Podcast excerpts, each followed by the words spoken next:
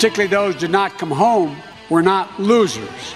If these statements are true, the president should humbly apologize to every Gold Star mother and father and every Blue Star family that he's denigrated and insulted. Who the heck does he think he is? Is it true? Well, we've heard from his own mouth his characterizations of an American hero, John McCain, as a loser in 2015. Donald Trump said he was not a war hero. I like people who weren't captured. Good for him. מי לעזאזל הוא חושב שהוא? שמענו עכשיו את המועמד לנשיאות, ג'ו ביידן, תוקף בצורה חזקה את נשיא ארצות הברית, דונלד טראמפ, בהמשך לסיפור שהתפרסם במגזין אטלנטיק לפני כמה ימים. הסיפור באטלנטיק מטלטל את הזירה הפוליטית בארצות הברית, כיוון שנשיא ארצות הברית, דונלד טראמפ, מוצג שם כמי שמזלזל בקורבן של חיילי מרינס אמריקאים שאיבדו את חייהם בשדה הקרב ובערך השירות הצבאי באופן כללי. שלום, ברוכים הבאים למדריך לטראמפיסט. שמונה שבועות לפני מערכת הבחירות שתתקיים בשלישי בנובמבר, אני טל שניידר. ואני אורי פסובסקי. והיום בפרק אנחנו נדון בשיח הציבורי סביב יחסי טראמפ וחיילים, המפקדים, וללא קשר לכך, אנחנו נראיין את אחד מאנשי הקריאייטיב המוכשרים ביותר בישראל, אלון זייפרט, על מיתוג אמריקאי. על מוצרים, על סחורות, על צרכנות פוליטית, וגם ניגע ב peanuts שלנו, בבתי שגרירים, חפצי אומנות, ונביא לכם עוד קאמבק טלוויזיוני מרגש. אבל קודם כל, חדשות. אז טל, כאמור, לפני כמה ימים מתפרסם סיפור אה, במגזין אטלנטיק שממש מסעיר את ארצות הברית. הסיפור הזה חוזר לאירועים סביב אה, הנסיעה של טראמפ לצרפת בנובמבר 2018, לפני קצת אה, פחות משנתיים. הוא נסע לשם כדי להשתתף אה, באירועי זיכרון לציון 100 שנה לסיומה של מלחמת העולם הראשונה, וזה היה אירועים שהשתתפו בהם אה, מנהיגים מכל העולם. במיוחד תפסו שם את עין התמונות של קנצלרית גרמניה, אנגלה מרקל, והמארח, נשיא צרפת, עמנואל מקרון. ובכתבה, ג'פרי גולדברג, העורך, חוזר לנסיבות של ביטול הנסיעה של הנשיא טראמפ לטקס שנערך שם בבית הקברות שבו טמונים חיילי ארצות הברית, המרינס, בעין מרן. ולפי הודעת הבית הלבן, בזמן אמת, מזג האוויר לא אפשר את הנסיעה. אם כי מנהיגים אחרים מהעולם כן הגיעו למקום, פשוט לא באמצעות uh, מסוקים, אלא בנסיעה ארוכה uh, ברכב. אבל טראמפ מחליט לבטל, ובאטלנטיק, אנשים שהיו uh, ככה בחוג הקרוב סביבו, מספרים שאת ההחלטה על הביטול ליוו כל מיני אמירות קשות.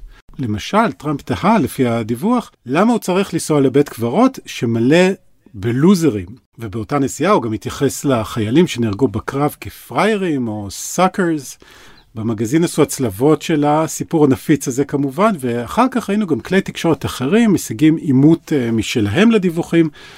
אפילו רשת פוקס ניוז, העיתונאית ג'ניפר גריפין, הכתבת הביטחונית שלהם, פרסמה שהשיגה אישרור משני אנשי ממשל טראמפ לשעבר, שהנשיא זלזל בחיילים המתים ולא רצה לנסוע להשתתף באירוע, למה שמישהו ירצה למות עבור ארצו, דיווחה אה, גריפין. כן, אורי, אה, גריפין, אה, אני, אני שומעת שמצטטים אותה בכל אה, מקום, היא נתנה נופך של אמינות אה, לסיפור, לא רק בגלל שזה פוקס ניוז, אלא גם בגלל העבר שלה, של גריפין נחשבת כתבת מאוד בכירה, mm-hmm. אבל אני שואלת אותך דבר אחר, אתה יודע... או יודעים בארצות הברית לדבר, להגיד מי היו המקורות או המקור העיקרי של ג'פרי גולדברג באטלנטיק. גולדברג בעצמו עיתונאי מאוד בכיר, אבל בוא, בוא, בוא ננסה להבין מי חשף לו את זה. כן, תשמעי, כל הדרכים שם מובילות אה, למי שהיה ראש הסגל של הנשיא טראמפ, אה, ועוד לפני זה השר שם אה, לביטחון לאומי, ג'ון קלי. הוא או סביבתו, את יודעת, קלי הוא uh, קצין בכיר, uh, גנרל ארבעה כוכבים, עזב את הבית הלבן בטריקת uh, דלת ולא התראיין מאז. לפי הכתבה של האטלנטיק, טראמפ תהה באוזני קלי עצמו. כשהם מבקרים בבית הקברות שבו הבן של קלי עצמו קבור, הוא שאל אותו מה יוצא לחיילים מזה, כלומר, למה הם משרתים בצבא? השבוע בכל מקרה קלי שותק ולא אה, לא נותן את הגרסה שלו לציפור. וואו, כן. אתה יודע, הסיפור הזה, גם בארצות הברית ובמדינות אחרות, בדמוקרטיות, עניין של צבא ולאום, בדרך כלל הוא בקונצנזוס, הוא בתמיכה לאומית אה, מצד לצד. וצריך להגיד, ביידן הוא בעצמו אבא לבן ששירת אה, בצבא, אה, בו ביידן, כן. שבו ביידן נפטר אמנם בגיל 46 מגידול בראש, אבל הרקע הצבאי, ביידן משחק על הסיפור, על התרומה שלהם לצבא כל הזמן, כל הזמן. תראי, כמו שאת אומרת, באמריקה באופן כללי, את יודעת, שם אפשר לראות הרבה מדבקות כזה של support our troops על המכוניות של אנשים. יותר מזה, את יודעת, טראמפ, הוא אוהב לדבר על זה שאנשי הצבא תומכים בו. אבל uh, בסקר שפרסם ה Military Times, עוד לפני אגב שהשערורייה האחרונה מתפוצצת, אנחנו רואים שכמעט חצי מאנשי הצבא רואים את טראמפ באור לא חיובי, ולמעשה יותר אנשי צבא אומרים שהם יצביעו לביידן מאשר לטראמפ. ועכשיו בטח שהסיפור הזה לא עושה לו יותר מדי טוב. את יודעת, בכל מקרה, אחרי כל מיני הכחשות של טראמפ וסביבתו, שנענו, ב, כמו שאת אומרת, עימותים uh, מכיוון כתבים מאוד בכירים, טראמפ השבוע מדבר על זה שה... הוא מקבל אהבה מחיילים, מי שלא אוהב אותו זה הגנרלים, שהם רק רוצים לרצות את חברות הנשק. בואי נשמע את זה.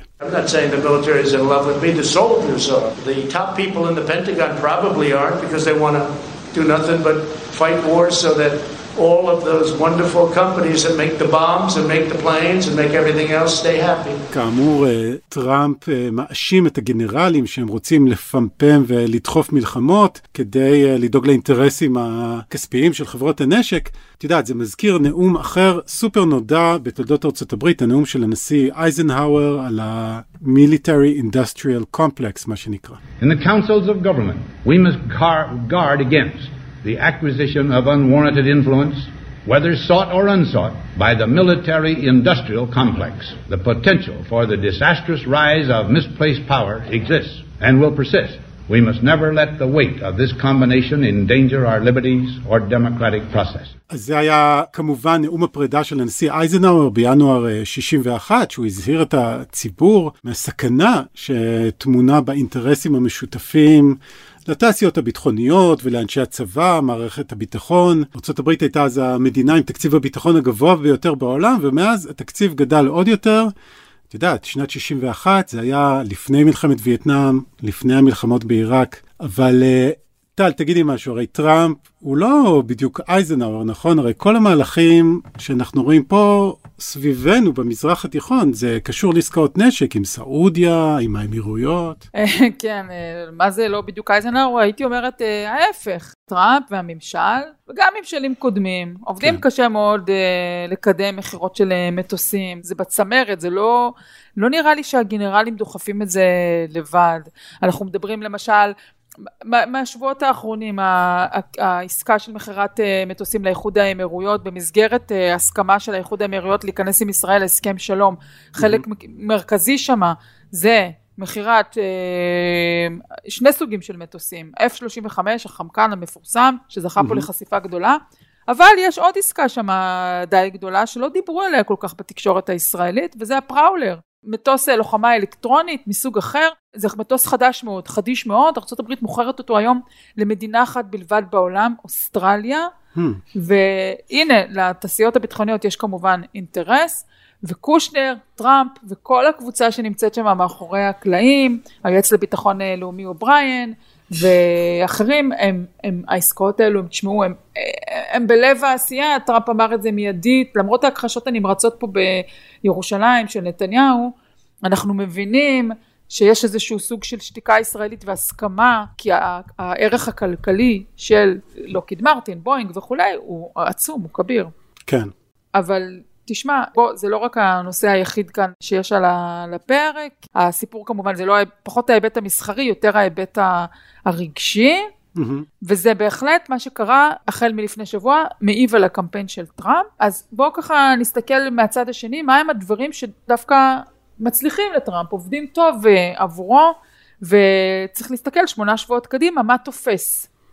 אוקיי, okay. אז מה, מה החוזקות שלו בעצם? אוקיי, okay, אז המצב הכלכלי, הכלכלי הרי אנחנו מכירים בעקבות uh, COVID-19, בעקבות הקורונה, ודווקא השבוע מתפרסמים נתוני שיעורי האבטלה, והם ירדו ל-8.4 אחוזים. זאת אומרת, okay. אוקיי. אנחנו חצי שנה, פחות מחצי שנה לתוך המשבר, ויש כאן הצלחה uh, מסוימת ב- ב- בדבר שהכי הפחיד את כולם, ששיעורי האבטלה יישארו דו-ספרתיים. טראמפ מרבה לצייץ על זה ומתגאה, תוספת החודש של 1.4 מיליון משרות. ותשמע מבחינתו בצדק, אם יש דבר שהציבור האמריקאי מעריך ומוקיר, זה שהמועסקים חזרו למקומות עבודה, אה, יש כאן איזושהי חזרה אה, למסלול אחרי חששות מאוד כבדים, אם זה ימשיך ככה עד נובמבר, כמובן שהוא ילך ויפמפם את זה. אה, אתה יודע אורי, בשבוע, בראשית השבוע היה החג האמריקאי Labor Day, יום כן. העבודה. זה אפשר לשני המועמדים, ג'ו ביידן וטראמפ, לעסוק ולדבר על תעסוקה ועבודה ועובדים, וזה מסוג הדברים שהם הם מאוד מרכזיים עבור הציבור ודי משעממים מבחינה תקשורתית, זאת אומרת ככה לדבר על יום הפועל או משהו כזה. ביידן נסע אה, ברחבי פנסילבניה, מדינת אה, הולדתו, הוא היה בהריסבורג, הוא היה בלנקסטר, אזורים של תעשייה, של פועלים. בהריסברג הוא הציב, העמיד לידו את אה, ריצ'רד טרומקה, אדם שהוא לא מוכר לנו ואין סיבה שיהיה מוכר, טרומקי הוא אה, ראש ארגון אה, מה שנקרא AFL-CIO זה בעצם ההסתדרות האמריקאית ארגון גג של כל ארגוני עובדים ברחבי ארצות הברית יוניונס ו, mm-hmm. וכל זה, זה אלמנט מאוד מאוד חשוב במפלגה הדמוקרטית כן.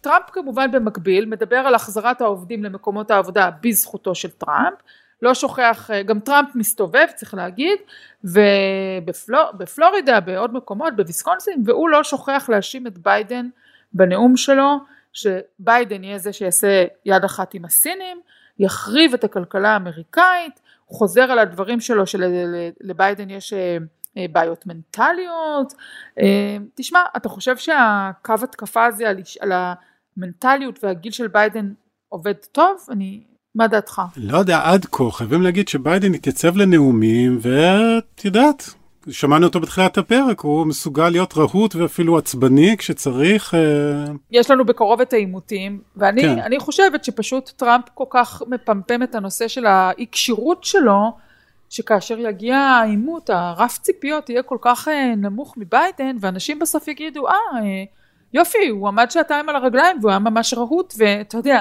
זאת אומרת, טראמפ עושה פה איזושהי טעות טקטית, אה, אה, ומשחק לי, לידיהם של הדמוקרטים, שמתעלמים מתעלמים מזה, כן. אבל מצבים את ביידן כאיזה חסר יכולות, נראה לי טעות.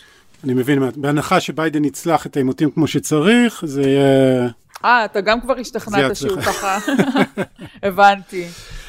בכל מקרה, מה מתוכנן קדימה בקמפיין? טוב, אז uh, אנחנו, הלוזים שלהם זה עצירות קמפיין במדינות המתנדנדות, uh, מנסים ללקט שם את מישיגן, ויסקונסין, פנסילבניה, את צפון קרוליינה, טראמפ שם את פלורידה וצפון קרוליינה בלוז שלו, uh, לא מדובר בהצהרות המוניות, uh, טראמפ uh, עושה את ה... Uh, זה דווקא מצטלם נהדר לדעתי, המטוס מגיע להאנגר בשדה התופעה.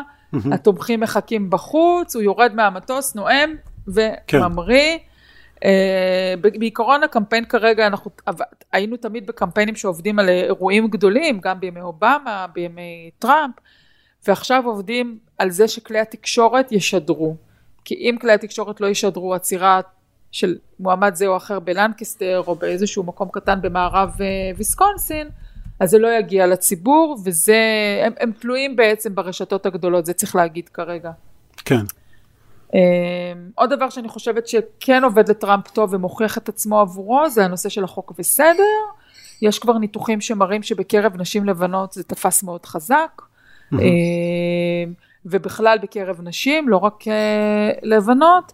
ואני חושבת שיש איזשהו ניתוח שאני חושבת דיברנו עליו כבר בשבועות כן. האחרונים, שכל פעם שטראמפ אה, ראה שהשיח הולך לכיוון כשלים בניהול המגפה, הצוות שלו הסיט את הנושא לחוק וסדר, וההפגנות האלימות וההפגנות, חלקן אלימות, חלקן לא אלימות, בעצם שיחקו מאוד טוב לידיו של טראמפ, הוא מראה שאין שליטה ברחובות וזה נובע מה, מהרגשות של הצד הליברלי ואם ייתנו לו להמשיך להיות נשיא הוא זה שישתלט על האלימות.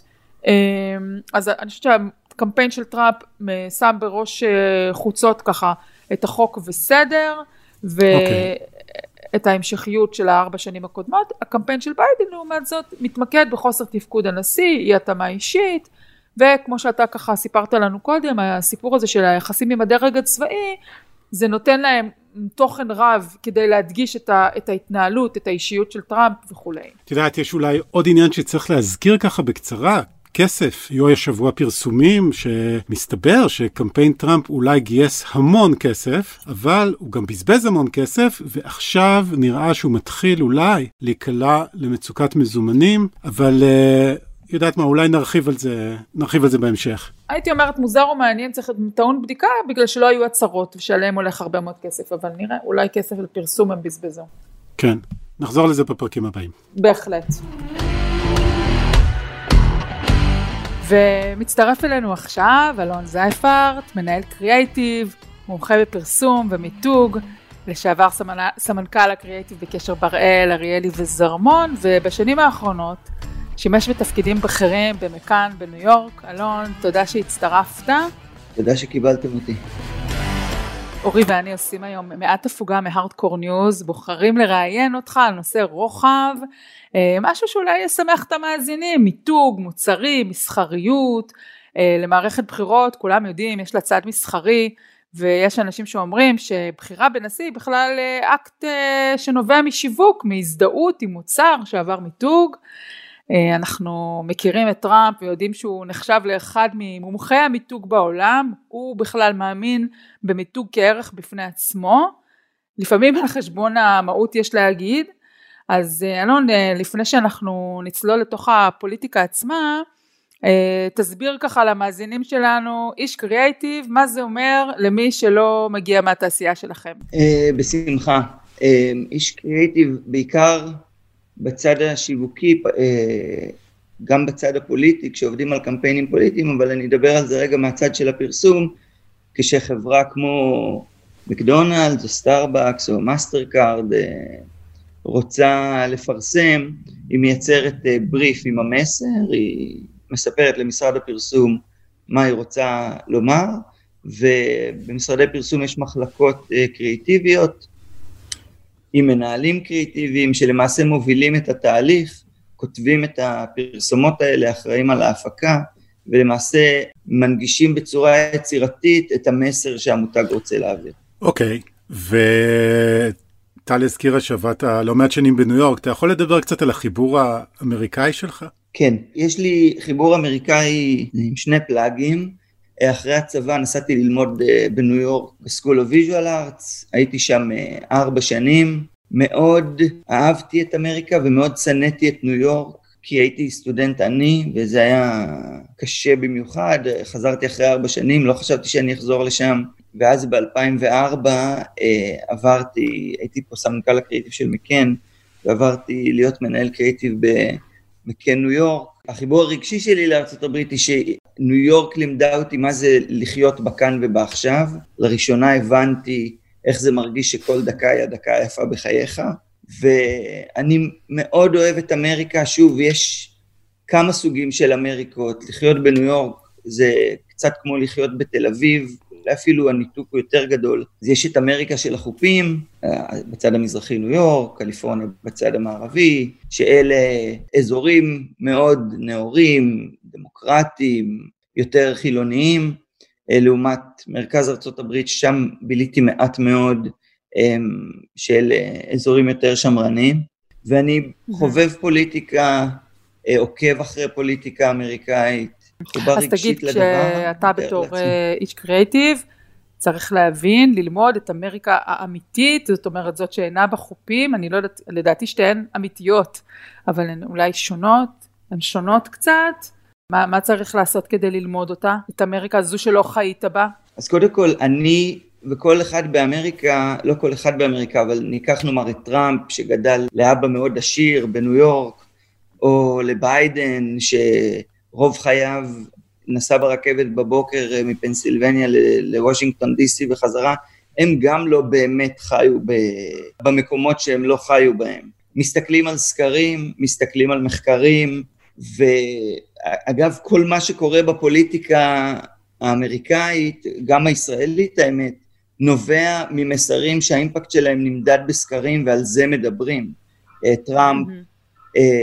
לא, לא היה בחיים שלו באיואה לפני שהוא נאלץ להיות באיואה כדי לזכות שם. אז כן, אנחנו כולנו קוראים ומסתכלים על מחקרים, בעיקר על סיכומים של מחקרים, טראמפ בטח מסתכל על, על שורה של מחקר, וככה לומדים את הנושא, זה לא באמת הזדהות מתוך ניסיון, אלא זה הזדהות מתוך אינסייטים. אז תגיד, באמת כשאתה צורך פוליטיקה, איך נקרא לזה, אתה יודע, כשאתה רואה עצרת או נאום או מסיבת עיתונאים, אתה מסתכל על זה כאיש מקצוע, אתה מיד מזהה שם מסרים שיווקיים, ניסיונות מיתוג, קריאייטיב? כן, אני חושב שיותר ויותר אנשים יותר ערים למה שקורה מבחינת התמימות שהייתה לנו בתור קהל לפני נאמר 30 שנה בארץ או 40 שנה בארץ, היא מאוד מאוד שונה מחוסר התמימות וחוסר האמון וה critical thinking כלפי כל דבר שיוצא מפי, מפיו כן. של כל מועמד. ואני חושב שבכלל השיחה הזו היא די מושתתת על ערכים והבנות שהיו נכונים לפני חמש שנים והם כבר לא נכונים היום, זאת אומרת אמת היא כבר לא אמת, עובדות הן רק, הן סוג של דעה. חבר שלי אורי לברון אמר לי אתמול, האמת לא מתה, היא נרצחה על ידי אנשים כמו טראמפ. וואו.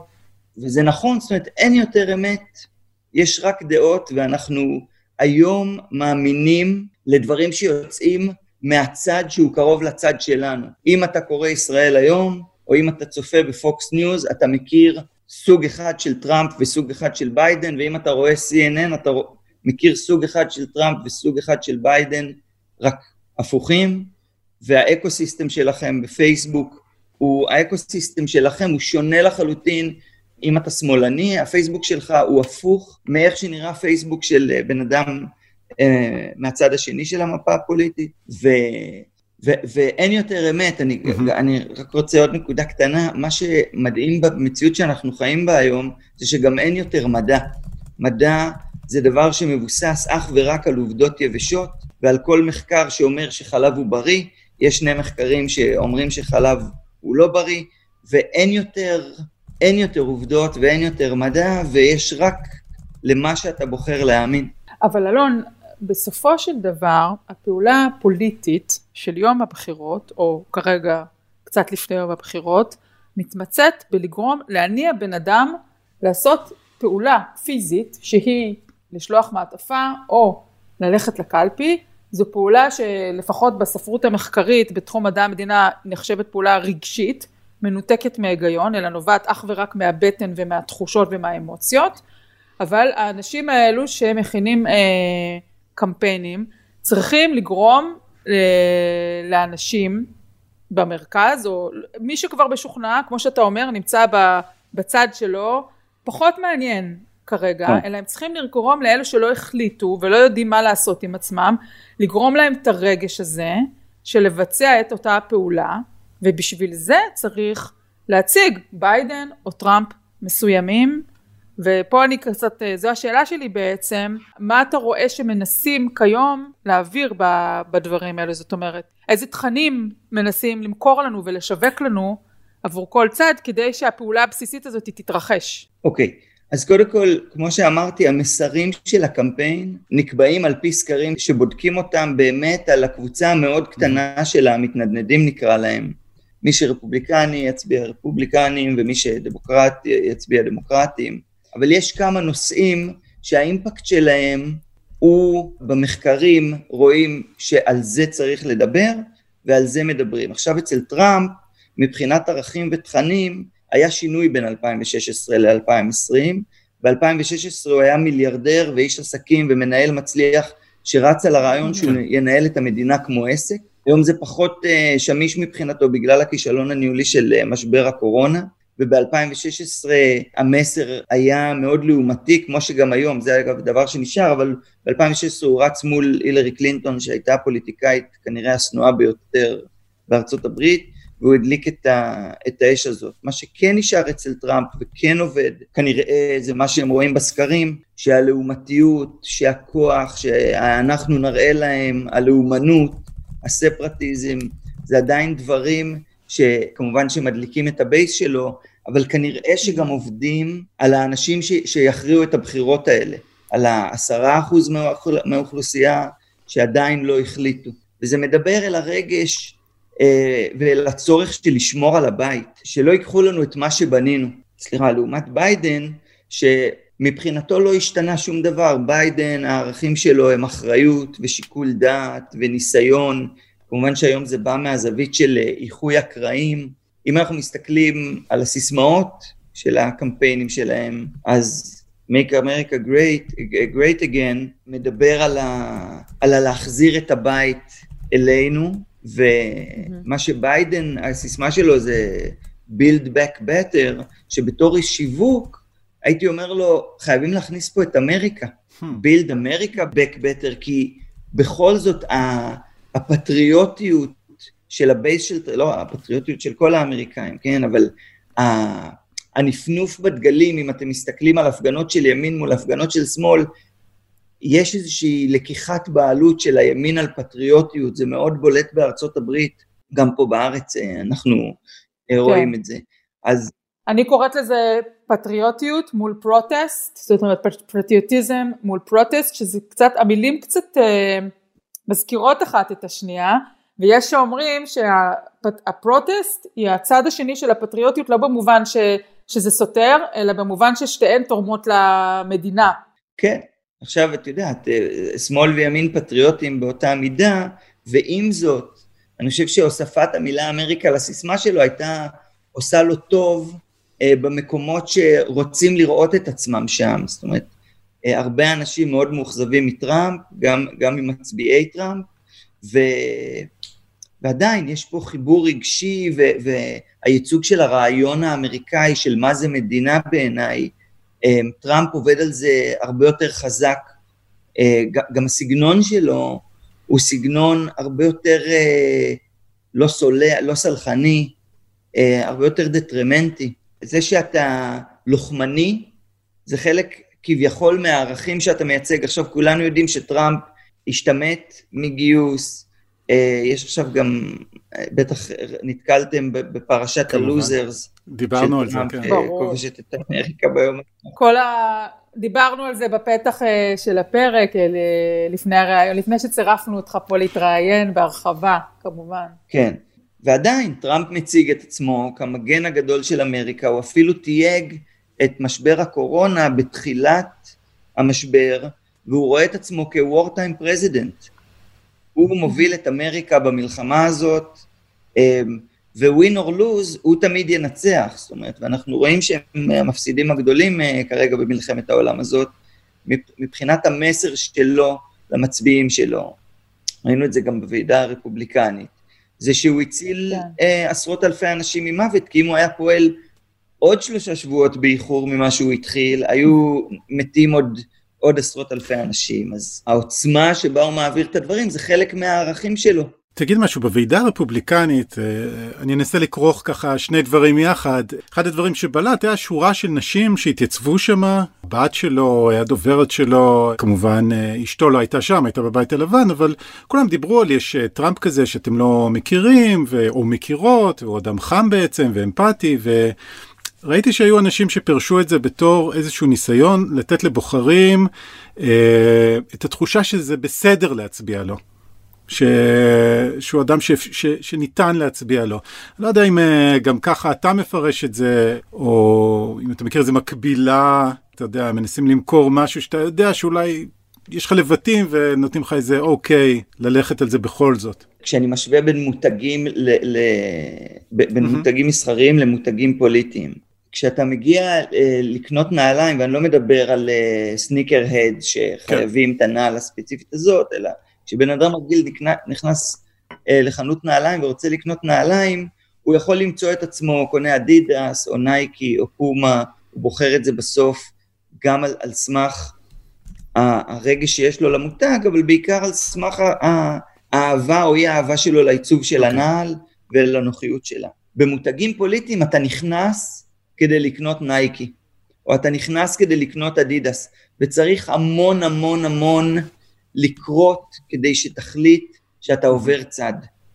אוקיי? זה, זה אלה דברים מאוד מאוד שונים. עכשיו, כשאני רוצה לומר משהו על, כללי על, על צריכת חדשות, הדור הצעיר בארצות הברית היום צורך חדשות דרך, אה, דרך תוכניות בידור, דרך אה, טרוור נועה, mm-hmm. דרך סטיבן mm-hmm. קולבר, אה, בעיקר כי הדברים האלה הם לא מסוננים וטרוור נועה יכול להגיד בולשיט על משהו שהוא בולשיט, כן. משהו שב-CNN לא מסוגלים להגיד. כן. ולכן יש אה, אחוזי הצפייה של התוכניות האלה כ, כ, כמקום לרכוש בו חדשות ולהתעדכן, הוא דבר שהוא בעלייה כבר כמה שנים. אה, עכשיו לשאלתך, כל מי שמסתכל בוועידה הרפובליקנית, משני, משני צידי המתרס הפוליטי, מסתכל על זה מהעיניים שלו והוא אומר זה בן אדם שאני לעולם לא אבחר בו, או זה בן אדם שאני תמיד אבחר בו, או המתנדנדים שאומרים מעניין אותי לשמוע אולי, אולי אני, אני כן אשמע פה משהו שלא שמעתי. עכשיו, ברור לכ, לכל מי שהוא בצד השמאלי של המפה שזה הכל קשקוש וש, ושטראמפ הוא מיזוגן, וברור לכל הצד הימני של המפה, גם אם הם מבינים שהוא מיזוגן, הם, זה פתאום פחות מעניין אותם. זה לא על זה, הם רוצים לשמור על הבית, אכפת להם. כן. אז זה סוג של עלה תאנה, תמיד יש את ה... אנחנו רואים את זה אגב גם בפוליטיקה הישראלית, של כן. מעמדם של אנשים בפוליטיקה הישראלית, שהרבה פעמים זה כדי לרצות, שזה דבר נוראי, כן? אמ, אבל יש איזשהו חוסר איזון שאתה מנסה אה, לחפות עליו, אז מי יותר טוב מלספר על זה שטראמפ מקבל, מכבד נשים? אגב, הוא ב, ב, במו פיו אמר, אני לא מכבד נשים, ברעיון מלפני 15 או 20 שנה. הוא אומר, I don't respect women, והוא, והוא מחייך על זה גם כי הוא, הוא מבין את, ה, כן. את הבוטות שבאמירה. אמ, ואותו דבר עם הלוזרס, עם פרשת הלוזרס. אני, אני ראיתי את הרעיון שהוא קורא לג'ון מקיין לוזר, והוא אומר, הוא נהיה כן. war hero כי תפסו אותו. וטראמפ מעדיף כן. אנשים שלא תפסו אותם בשבי. ואחר כך הוא בא ואומר, הוא גיבור.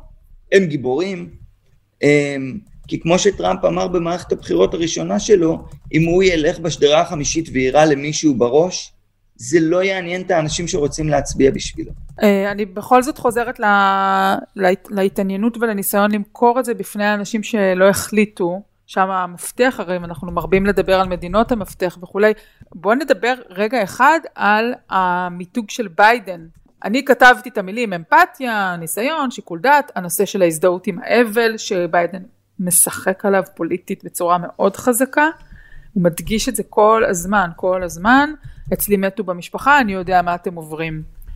מה, מה אתה אומר מבחינה, מבחינת המיתוג של זה ככה, כמסר אה, לקראת הבחירות? בקמפיינים פוליטיים, בשיווק של פוליטיקה, יש משוואה שאומרת שאתה צריך להיות האדם הנכון לזמן הנכון. אלה שני הדברים שחייבים לעבוד ביחד כדי שאנשים mm-hmm. יבחרו בך. עכשיו, טראמפ היה הבן אדם הנכון ב-2016 אה, לזמן ההוא שאמריקה הייתה מאוד מאוד מנוצלת, והאמת שיש בזה אמת. אה, mm-hmm. הסכמי הסחר עם סין זה הסכמים שנעשו אה, בתקופה שסין הציגה את עצמה ובאמת היה בזה איזשהו אמת כקורבן מסחרי וכמדינה שמנסה לשקם את עצמה.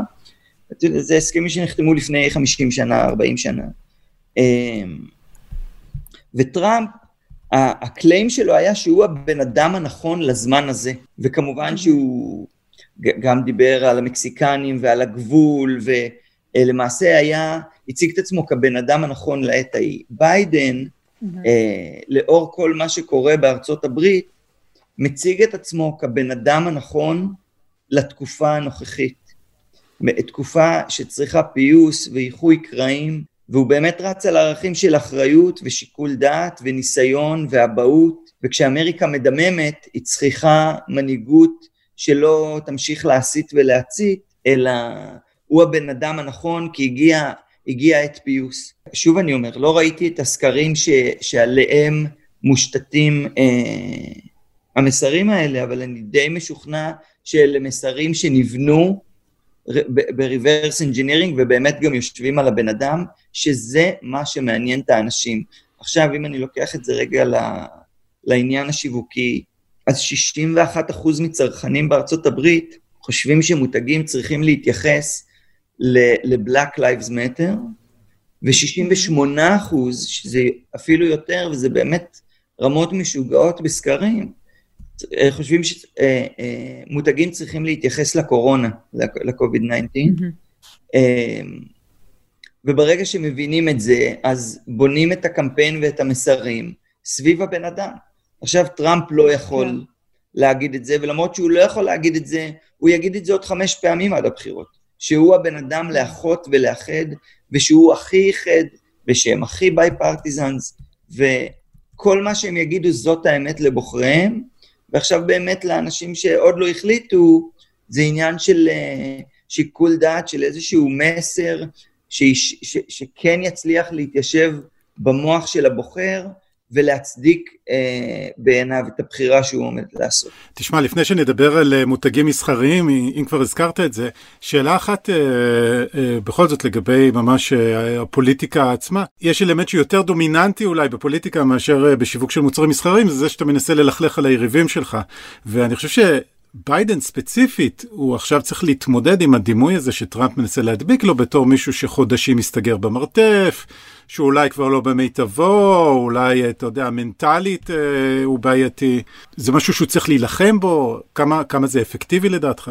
זה, זה גם קרה בבחירות של, אה, של 2012, של כמה שהם, ירדו, מישל אובמה אמרה את זה מלא, כמה שהם ירדו נמוך, אנחנו נעלה גבוה.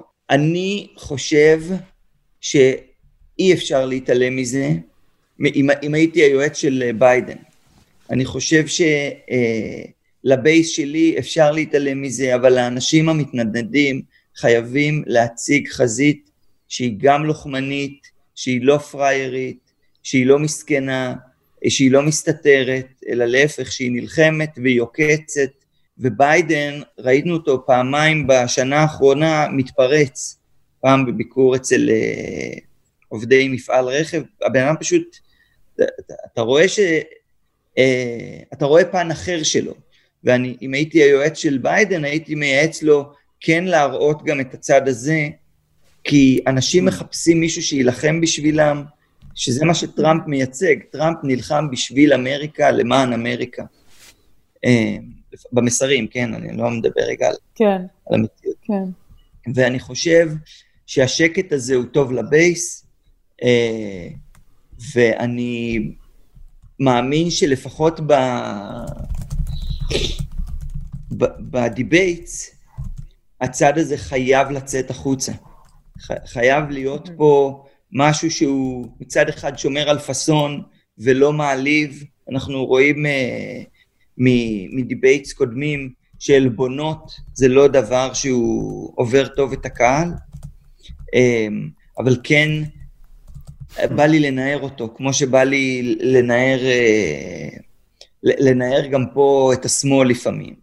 אלון, הרעיון ככה לשיחה עם אה, מומחה קריאייט שגם מכיר את ארצות הברית התחילה אצלנו כי הייתה לנו איזושהי תחושה שבארצות הברית אפשר ככה לבחור מוצר ולהגיד אוקיי זה מוצר אה, רפובליקני, זה מוצר אה, דמוקרטי, זה קצת מצחיק אבל יש כזה דבר מוצרים שהם צד בוויכוח פוליטי, לדוגמה אתה יודע אני חושבת לפעמים על הטסלה שהרכב החשמלי כמובן שחיסכון בדלק, הכרה בבעיות של התחממות גלובלית והייתה בעיני הרבה אנשים אה, סוג של, היית רואה בן אדם נוסע בטסלה היית אומר טוב נו הוא בטח מצביע למפלגה הדמוקרטית אבל כמובן זה בטח לא, לא נכון בצורה מוחלטת ואז גם בא לנו הבעלים של טסלה אילון מאסק והוא מזדהה לגמרי עם הנשיא טראמפ ומסריו וזה בעצם משהו שיכול לשנות מסחריות של מותג מסוים באזורים מסוימים, או שאין קשר? חד משמעית יש קשר, בטח כשיש כאלה כמויות של שנאה בין uh, שני הצדדים. הסיפור של טזלה הוא סיפור באמת מאוד מוזר, זה, זה מוצר מאוד ירוק, טראמפ כמובן לא מאמין בהתחממות גלובלית. שוב, אין לי מושג במה הוא מאמין או לא מאמין, אני, לי, אני רק יודע מה המסרים. והמסרים ש, אה, שהבייס שלו מאמין בהם, הוא שאין דבר כזה וזה קנוניה דמוקרטית. אמ, אז, ו, וגם אילון מאסק ישב אה, במועצת החכמים של טראמפ אה, בתחילת הקדנציה mm-hmm. שלו, כמובן היה תחילה, הייתה התחלה של חרם צרכנים על טזלה כשהוא הצטרף לזה, ואז כשטראמפ עזב את הפריס אקורד, אמ, אילון מאסק עזב. אמ, עכשיו, כן. כל הזמן השאלה הזו מרחפת באוויר, אה, לא רק אה, ברמה של השיוך הפוליטי, אלא גם ברמה של, ה, של הנכונות החברתית, עם כל מה שקורה עכשיו עם Black Lives Matter, זה, זה, זה, זה מהפכה בכל מה שקשור אה, בעולם השיווק. אה, ולמרות שאילון מאסק אה, כנראה מזדהה עם, עם חלק או עם כל הערכים שטראמפ מייצג, טראמפ הוא לא טוב לטזלה. טראמפ הוא טוב למתחרים של טזלה, טראמפ לא עומד אה, להטיל הגבלים בכל מה שקשור ל-fuel emissions, אה, ולכן המתחרים של, אה, של טזלה, GM, קרייזלר, פורד, מבחינתם טראמפ עדיף במובן הזה שהם יוכלו לעבור לרכבים חשמליים שהם אגב רכבים עם, עם רווחיות מאוד מאוד נמוכה עד אפסית, לעומת הרווחיות של למכור טנדרים, שזה ה... המכוניות הפופולריות ביותר בארצות הברית, ששם רווח, הרווחים על מכירה של רכב כזה הם מאוד מאוד גבוהים. אה, Mm-hmm. אבל אה, זה כבר מרחק שצרכנים לא רואים אותו. צרכנים כן שמים לב עם מי אתה מזדהה, וזה כן יכול לגרום אה, לחרם צרכני, זה עוד לא שם מבחינת, אה, לפחות מה שאני קראתי, אבל אה. זה, זה כבר היה שם עם טזלה, כש, כשאילון מאסק הצטרף למועצה של טראמפ, אה, וזה גם יכול אה, לחזור. שוב, לאילון מוסק ברמה המסחרית אין באמת אינסנטיב שטראמפ ימשיך, ימשיך להיות נשיא. מבחינה מסחרית לפחות, mm-hmm. ממה שאני רואה, מבחינת ה tax breaks, מבחינת ה... Uh, החוק העתידי, הרי אם ביידן ייבחר, מיד ייכנסו לתוקפם הגבלות emissions, וכולם יהיו במרוץ uh, לעבור לרכבים חשמליים, מה שיפגע ב... באילון מוסק, כי הוא כרגע שולט בקטגוריה והוא לבד. וזה במוביל אותי לשאלה הבאה שרציתי לשאול אותך, יש איזשהו מחקר אה, צרכני שעל על התקופה הזאת של החרמות כצרכנות פוליטית, אנשים מחרימים מוצר, מתנגדים למוצר בגלל שהם רוצים לחדד את העמדה הפוליטית שלהם, את הבחירה שלהם, ויש אפילו מחקר חדש אה, של Political Research Quarterly שבא ואומר בודק את כל הקריאות שטראמפ עושה בעמוד שלו לחרם פוליטי על מוצרים מסוימים כמו על נייקי וכולי לעומת מוצרים שהוא קורא להשתמש בהם כמו גויה או כמו אל בין שזה חנות אה, אופנה והמחקר הזה אומר תראו החרם יש לו משמעות מאוד גדולה מבחינה עסקית על החברות אבל ציוצי התמיכה שלו הציוצי ההמלצה שלו לאו דווקא אה, משנים את המכירות של המותג. מה, מה אתה אומר על הנושא הזה של הצרכנות הפוליטית בעצם? אה, אז קודם כל, הרבה יותר אה, קל להחרים, אם אני צריך לקנות נעליים, ואני אה, בחרם על אה, נייקי, אה, הרבה יותר קל לי להחרים מאשר ללכת עכשיו לקנות מוצר של נייקי בגלל שמועמד כזה או אחר אה, favors them. אז הרבה יותר קל mm-hmm. אה, לנוע ככה. אני הולך לסופר, יש מוצר של מונסנטו, יש מוצר של, אה, לא חשוב, של פרוקטר אנד גמבל. למשל, אפרופו פרוקטר אנד גמבל, אה, פרוקטר אנד גמבל יצרו אה, פרסומת לתמיכה ב Black Lives Matter, וחטפו על זה חרם צרכנים, כי הם נתפסו כמנצלים את המצב. Oh. אז שוב, כשאני הולך לקנות שמפו ואני מודע לזה, אז אני לא אקנה שמפו שלהם, זה הרבה יותר קל לי מאשר, אה, אה, מאשר לעשות את הפעולה ההפוכה. לעומת זאת, כשיש חברות מאוד מאוד טהורות, כמו בן אנד ג'ריז, שלאורך כל השנים אה, מביעים עמדות פוליטיות, אבל לא רק מדברים על זה, אלא עושים, בן אנד ג'ריז משיקים עכשיו סדרת אה, פודקאסטים בנושא שוויון זכויות אה, באמריקה, ביחד עם ווקס, אה, והם מרוויחים עצומים מזה, כי אני קודם כל קונה גלידה של בן אנד ג'ריס, בגלל העמדות הפוליטיות שלהם, אגב, כבר עשרים שנה אחורה. כן, הם מאוד מאוד מזוהים.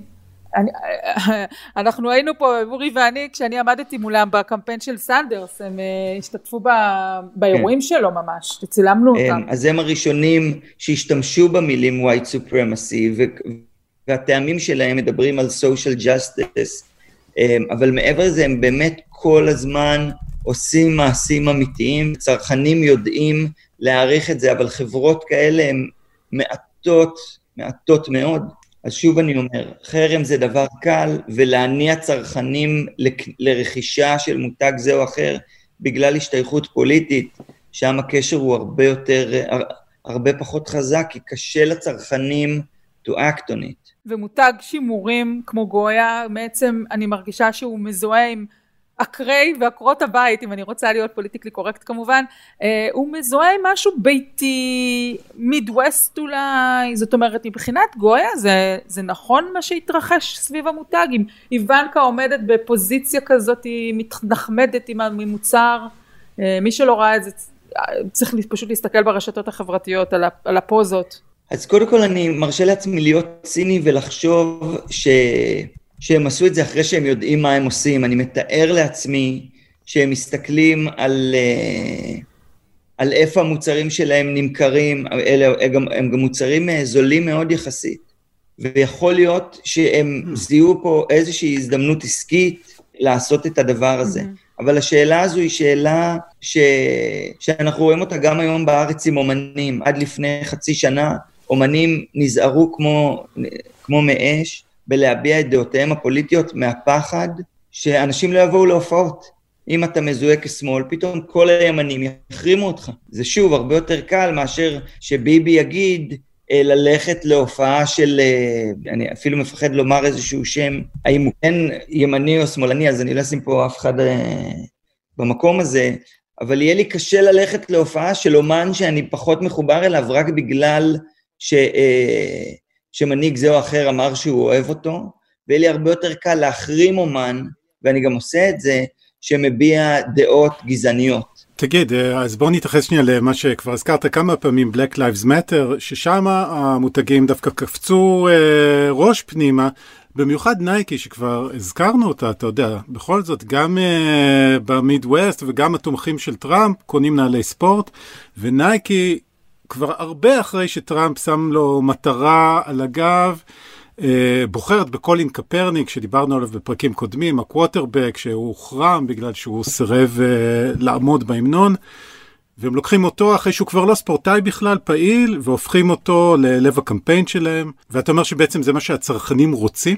אני אומר, קודם כל יש פה עניין של טיימינג. כי בעיניי, עם נייקי, שאגב, לקחה את קולין קפרניק ארבע שנים אחרי מה שהוא עשה? כאילו, איפה הם היו אז? זו שאלה שאני כצרכן שואל את עצמי, ו... וזה די עצוב לי לראות שהאומץ לב קרה באמת כשנייקי ראתה שזה משהו שהציבור יכול, אה, יכול להכיל, אבל נייקי, לפחות בשלב הזה, היו בין הראשונים שקפצו למים האלה. כי אם אתה מסתכל, ואני עבדתי עם שתי חברות, mm-hmm. שבסוף ירדו מלהביע עמדה בגלל טיימינג. זאת אומרת, הם כבר איחרו את המועד, mm-hmm. וזה כבר אה, היה נחשב נצלני. במחקרים שאנחנו עושים, יש מה שנקרא מדד ניצול מול מדד העצמה. אה, כן, וואו. ונייקי היו כמעט הראשונים לדעתי מהמגה ברנדס שכן הביעו עמדה, okay. וזה אוקיי. עבד מאוד לטובתם. היום אתם לא רואים שהרבה ברנדים מדברים על זה לראשונה כי הם איחרו את הרכבת הזאת. חלון הזדמנויות נסגר. כן. כן, חלון ההזדמנויות נסגר, בהתחלה היה אפשר רק לדבר על זה, וחודש לתוך העניין, אם לא, אם לא הייתה פעולה על ידי ה brand, פעולה אמיתית, לדוגמת מה שבן אנד ג'ריז עושים, אז זה סתם דיבורים שבמדד ה, אה, הניצול, המספרים הם הרבה יותר גבוהים מאשר במדד העצמה. אה, במובן כן. הזה, אה, גם התחיל חרם צרכנים על סטארבקס, כי סטארבקס אה, אסרו על עובדים שלהם לבוא עם זאת, זה היה ספציפית על Black Lives Matter, אבל אני מתאר לעצמי, מהיכרותי עם ה brand שהם דיברו על כל חולצה פוליטית, מה שהוביל לחרם צרכנים, וסטארבקס הפכה את ההחלטה שלה, זאת אומרת, הם, הם הרשו, כעבור מעט מאוד זמן כמובן, הם הסירו את האיסור על העובדים, אה, על העובדים שלהם לבוא עם אה, חולצות Black Lives Matter, ואני לא יודע מה ההשפעה ארוכת הטווח על המותג, אני לא חושב שמישהו כרגע יודע, אבל הם עברו מהצד הלא נכון של המפה, למרות ששוב, אני מכיר את הווארד שולץ, אני מכיר את דעותיו הפוליטיות, הוא בטח אה, בן אדם מאוד מאוד אה, נאור ושתומך, הוא פשוט לא רצה להכניס את זה לעסקים וגילה שהוא טעה, ושחייבים לאפשר את זה, כי הגבולות לגמרי היטשטשו, ומעבר לדלפק זה לא בריסטה, אלא זה בן אדם עם דעות פוליטיות, ואנשים יודעים להריח איפה ה brand הוא אותנטי ואיפה הוא רק, אה, רק מדבר, ראינו את זה עם מקדונלדס לאחרונה. תגיד, ש- שאלה כמעט אחרונה, אה, כי אנחנו באמת הערכנו פה, אתה מרואיין חריג עבורנו, ולכן אני ככה נמשכת לכל השיח הזה על המוצרים.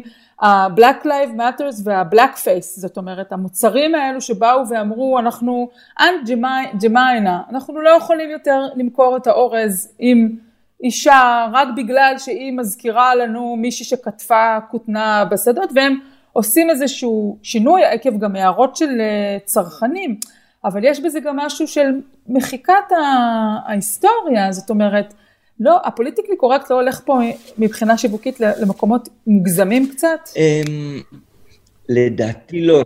מותג נפטר ממה שהיה האופן שבו הוא מכר. מצד אחד כן, אבל מצד שני בואו נזכור שזה לא מותג שיש בו איזשהו רוח, זה לא מנהיג מדינה שמייצג משהו, איזושהי תקופה במדינה, זה מותג שמי שעיצב אותו היה איזשהו מעצב שחשב שזה היה הדבר הנכון לעשות, זה כבר לא נכון לזמננו.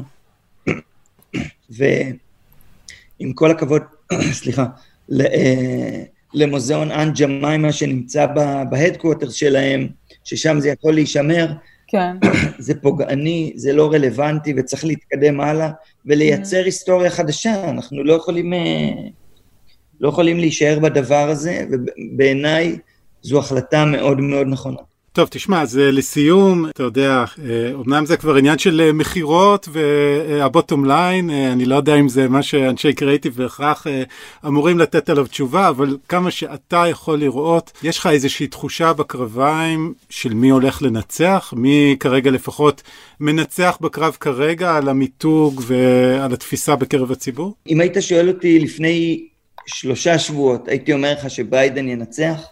אני עוקב באופן יומיומי אחרי ה-approval ratings של טראמפ, גם מול הקדנציה שלו וגם מול אה, קדנציות של כל הנשיאים מאז שהתחילה המדידה, ויש כן. עלייה של שלושה אחוז ב-approval של טראמפ בשלושה שבועות האחרונים, יכול להיות שאני, זה שבועיים וחצי, שלושה נקודה שתיים אחוז, וזה מאוד מאוד מפחיד אותי, ואני מרגיש שהוא יכול לעשות את זה שוב. איפה שלפני שלושה שבועות הוא לא היה, והשיפט הזה, שוב, שגם יכול, בואו נדבר עוד שלושה שבועות, זה יכול לחזור ל-40 אחוז ואני שוב אהיה אופטימי. האמת שדיברנו כאן הרבה בפודקאסט על ההתכנסות של הגרפים, זה אולי גם טבעי, לפעמים אני חושבת שגם לכלי התקשורת יש אינטרס להראות שהיא תחרות נורא צמודה, כי זה מייצר להם הרבה באז והרבה תקשורת, אבל זה כבר, אה, זה, אני חושבת, לפרק אחר של מה שאנחנו חושבים על התקשורת האמריקאית. אני אנצל את ההפוגה הקטנה בדבריך להגיד לך המון המון תודה על רעיון ארוך ומרתק, על מותגים וצריכה וצרכנות פוליטית דעתנית ושינויים היסטוריים במותגים. אז אלון, המון תודה שהצטרפת אלינו ונשמח אולי לפגוש אותך בעתיד. יאללה בכיף, תודה לכם. תודה רבה. אורי, הגיע הזמן לפינאץ. בא לך לדבר קצת על נדל"ן ושכיות חמדה ובתים מפוארים של שגרירים ברחבי העולם? איך אפשר להגיד לא? ברור. אז קודם כל, בעיתון גלובס בשבועיים האחרונים, היה לנו חשיפות יפות בנוגע למכירת בית השגריר האמריקאי בהרצליה, בית מאוד מפורסם, שנמצא. בבעלות uh, מחלקת המדינה עשרות שנים, על הצוק, מאוד יפה שם, והוא נמכר ב-300 מיליון שקלים. בעסקת הנדל"ן הפרטית הגדולה ביותר בתולדות המדינה, ותנחש אורי, מי, מי קנה? מי קנה אותו? אדם עם כיסים עמוקים אני משער. Mm, נכון, אז זה אחד התורמים הכי גדולים אי פעם של המפלגה הרפובליקנית. מיודענו שלדון אדלסון שהוא גם מו"ל של עיתונים בישראל. אנחנו חשפנו את זה בעיתון וגם הבנו ממקורות שפשוט אין הרבה אנשים שיכולים להרשות לעצמם לקנות בית במחיר בדולרים כ-80 מיליון דולר. Mm-hmm. השגרירות אה, שאיתם אני דיברתי אמרו שהיה הליך של bidding, סוג של מכרז. אבל אה, אני גם הוספתי ככה ממקורות שהם נוספים, לא מהשגרירות, שמחלקת המדינה רצתה שהליך המכירה יהיה מאוד מהיר, כלומר עכשיו, למה? שזה ייעשה לפני הבחירות. אני, אני, אני חושבת שסיפרתי על זה כבר בעבר, אבל אני נותנת את כל הרקע, כי למי שלא הקשיב לפרקים הקודמים, השבוע ב follow-up שעשינו בגלובס, אה, גילינו שלמרות שרצו שהמהלך הזה יהיה מאוד מהיר, ולא רק שיהיה מהיר אלא גם בלתי הפיך, מסתבר שהשגריר האמריקאי פרידמן ממשיך לגור שם, וימשיך לגור שם. אתה יודע למה? נו. No. אוקיי, כי הבת הקטנה שלו הולכת לתיכון האמריקאי באבן יהודה, והמעבר לירושלים לא בדיוק מתאים. אני מספרת לך את כל זה. זה מעולה, אז פרידמן מסנדל את השגרירים הבאים, אבל הוא ממשיך לגור בהרצליה. יפה, ואני מספרת לך את כל זה, כי בחשיפה האחרונה הראינו אה, שיש בתוך ההסכם ליס באק, זאת אומרת, אה, הבית יימכר לשלדון אדלסון, אבל אה, מחלקת המדינה תשלם שכירות על הבית הזה. והוא, כדי שהוא יוכל להמשיך לגור שמה. אז, אז בעל הבית של השגריר האמריקאי הוא שלדון אדלסון. כן. אם צריך לשלוח אינסטלטור, נא לפלוט לשלדון. אה, זה אינסטלטור, זה קטן עליהם, יש שם בריכה נורא נורא גדולה ויפה. אתה יודע, אני נזכרת גם בגלל שבבית הזה יש ציורי אומנות ועבודות אומנות באמת יפהפיות שתלויות שם הרבה שנים. כן. ואני יודעת בוודאות שהשגרירות גם החזיקה עוצרת אומנות, אה, שאתה מפעם לפעם מחליפה. את, ה, את היצירות, דאגה שיהיו שם יצירות אמנות אמריקאיות וישראליות, תלוי בטעם של שגריר, כשבזמן של דן שפירו היה שם דברים יותר מודרניים, היום יש שם יותר יודאיקה, בכל מקרה דברים אורגינליים מאוד יקרים. Mm-hmm. ואז אז כל הסיפור הזה עם האומנות בבתים של שגרירים, ככה הביא לנו את החשק לדבר על משהו נוסף. כן, זהו, מה, מה, מה נזכרת עכשיו באומנות בבתים אה, של שגרירים? כן, נזכרתי, כי קראתי סיפור השבוע באתר בלומברג, בכתבה שתורגמה גם בעיתון הארץ למי שרוצה לחפש, mm-hmm. ושם מסתבר שטראמפ באותו הביקור בפריז בנובמבר 2018, אנחנו חוזרים אליו לביקור המפורסם. כן. הרי הוא הגיע לצרפת כדי לציין 100 אה, שנים לסיום מלחמת העולם הראשונה, אבל מעבר אה, לסיפור הזה שהוא לא הלך לטקס והחיילים שהוא ביזה אותם וכולי בשיחות אה, כאלו בנוגע לחייהם הוא ניצל את, ה, את הזמן שנותר לו בפריז לרכש אומנות ואני אומרת רכש עם מירכאות כפולות okay. מה אוקיי. הכוונה? הוא פשוט הסתובב בביתו העתיק של שגריר ארצות הברית בפריז, שגרירת אה, ארצות הברית בפריז, זה בעצם איזשהו ארמון שנבנה ב-1824, עוד wow. מעט 200 שנה, והוא הוא, אה, אמר לאנשים את זה, את זה ואת זה אני רוצה, על המטוס, לקחו חזרה לוושינגטון. כן, אז כן, זה, זה peanuts פה, אנחנו ככה נדבר על האומנות, אה, מה, מה הוא בחר. אה, פסל ראש, אתה יודע, פסלי ראש של בנ, בנג'מין פרנקלין. אוקיי. דיוקן של, של פרנקלין גם. אה, וסט פסלונים של דמויות מהמיתולוגיה היוונית, והכל הועמס על איירפורס 1 חזרה לוושינגטון. ואז מסתבר, את הפסלונים הקטנים הוא שם מעל האח, ובלומברג מציינים שגם הפסלונים וגם פסל הראש של פרנקלין אה, הוגדרו על ידי מומחי אמנות כעתקים, זאת אומרת הם אמנם אה, נוצרו לפני הרבה מאוד שנים, אבל הם היו סוג של אה, רפליקה ליצירות אה, מקוריות. Okay. אוקיי. כמובן שהמומחים, האוצרים, אמרו לטראמפ, תשמע, זה, זה לא האוריג, האוריג'ינל, האוריג'ינל, הדיוקן האמיתי מופיע, נמצא, תלוי בגלריה של הפורטרטים בוושינגטון. ואז טראמפ ככה התלוצץ איתם ואמר, בסדר, אני ממילא מעריך יותר את הזיוף מאשר את המקור. וכל זה מופיע בכתבה. כן, סיפור חמוד. אורי, מה אתה מספר לנו בפאנל? בפינאץ. טל, נראה לי שנמשיך עם אה, מסורת האיחודים שהתחלנו פה בשבוע שעבר. הפעם לא תאמיני, את זוכרת את הסרט הנסיכה הקסומה, ככה מ... Mm, איך אפשר לשכוח? 87 נדמה לי. רובין רייט המהממת. כן, זהו, בדיוק. אה, אז צוות השחקנים המקורי, שכולל אה, חוץ ממנה את קרי אלווס, את בילי קריסטה, למנדי פטנקין, שאולי מוכר למאזינים יותר מהומלנד, ועוד. זה היה סרט שביים רוב ריינר, אה, היה מבוסס על ספר של ויליאם גולדמן, את יודעת, הרבה לפני ספרי הארי פוטר. והסרט הזה הפך uh, עם השנים לקאלט, את יודעת, uh, כל מיני משפטים מצוטטים כאלה כמו as, as you wish. as ו... you wish, כמובן. כן, וקוראים לי ניגו מונטויה, הרגת את אבי, הכן את עצמך למות, prepare to die. אז אוקיי, אנחנו פה שוקעים ב... במנהרת הזמן, מה, מה, מה קורה עם הסרט הזה בשנת 2020? כן, נצא, נצא מנוסטלגיית ה eighties. מסתבר שהשחקן הראשי, אה, קרי אלוויז, הוא חבר ילדות של אחד מעובדי אה, סניף המפלגה הדמוקרטית בוויסקונסין, והחבר שלו הציע ל chairman המקומי של המפלגה לכנס את הקבוצה של השחקנים להקראת פודקאסט של התסריט. התסריט המקורי, ארוך. זהו, כל זה נעשה בחסות המפלגה הדמוקרטית כדי לעורר אה, מודעות לרישום אה, מוקדם להצבעה, get out the vote מה שנקרא. כל מי שירצה לצפות בהקראה ישלם דולר כתרומה, והכסף יועבר ישירות לסניף המקומי של המפלגה כדי לעודד הצבעה, ככה פרסמו השבוע בוויסקונסין סטייט ג'ורנל, העיתון המקומי. כל זה יתרחש ב-13 בספטמבר. אה, ממש בקרוב. כן. מדהים, הכל בשביל קמפיין מקומי בוויסקונסין, מי היה מאמין? כן, בכל זאת, battle state.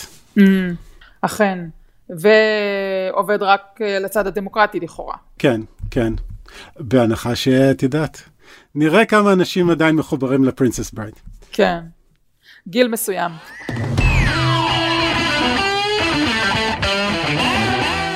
טוב, אורי, אנחנו סיימנו את הפרק שלנו. תודה לכל מי שהאזין והגיע עד לכאן, לסוף הפרק. אה, אני מזמינה את כולכם לעקוב אחרי אורי ואחריי ברשתות החברתיות. בפייסבוק יש לנו קבוצה שקוראים לה המדריך לטראמפיסט, ושם אנחנו מדברים על נושאים שונים ומגוונים. אתם מוזמנים להצטרף לקבוצה. כמובן אנחנו נעלה את הלינקים בכל המקומות, בספוטיפיי, אפשר גם להאזין לפודקאסט באתר. אה, הצטרפו אלינו, נשארו לנו שמונה שבועות למערכת הבחירות. אני מודה לעורך הפודקאסטים רון טוביה, אני טל שניידר. אני אורי פסובסקי. להתראות. ביי.